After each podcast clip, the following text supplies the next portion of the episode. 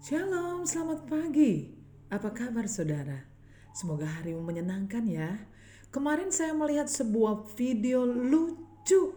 Anak muda bergaya seperti seorang reporter melaporkan sebuah kejadian dari tempat kejadian perkara.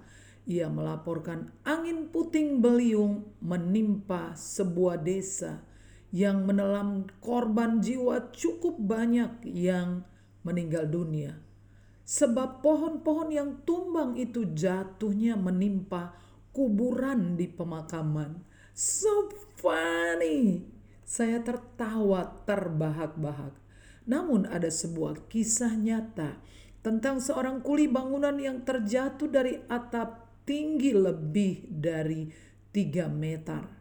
Menimpa seekor domba. Domba itu mati, tapi kuli bangunan tersebut selamat. Peristiwa ini mengingatkan saya bahwa anak domba Allah mati agar aku hidup. Yesaya 53 ayat 5. Sesungguhnya ia tertikam karena pemberontakan kita. Ia diremukan karena kejahatan kita. Ganjaran yang mendatangkan keselamatan bagi kita ditimpakan kepadanya dan oleh bilur-bilurnya kita menjadi sembuh.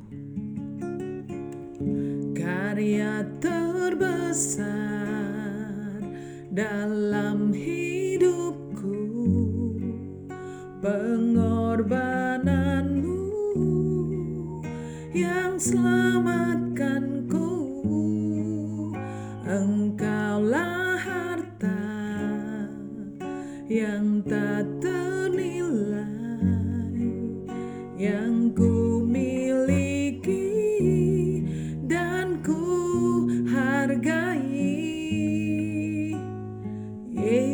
engkau ku kagumi. Selamat memasuki minggu kesengsaraan Tuhan Yesus. Tuhan memberkati saudara.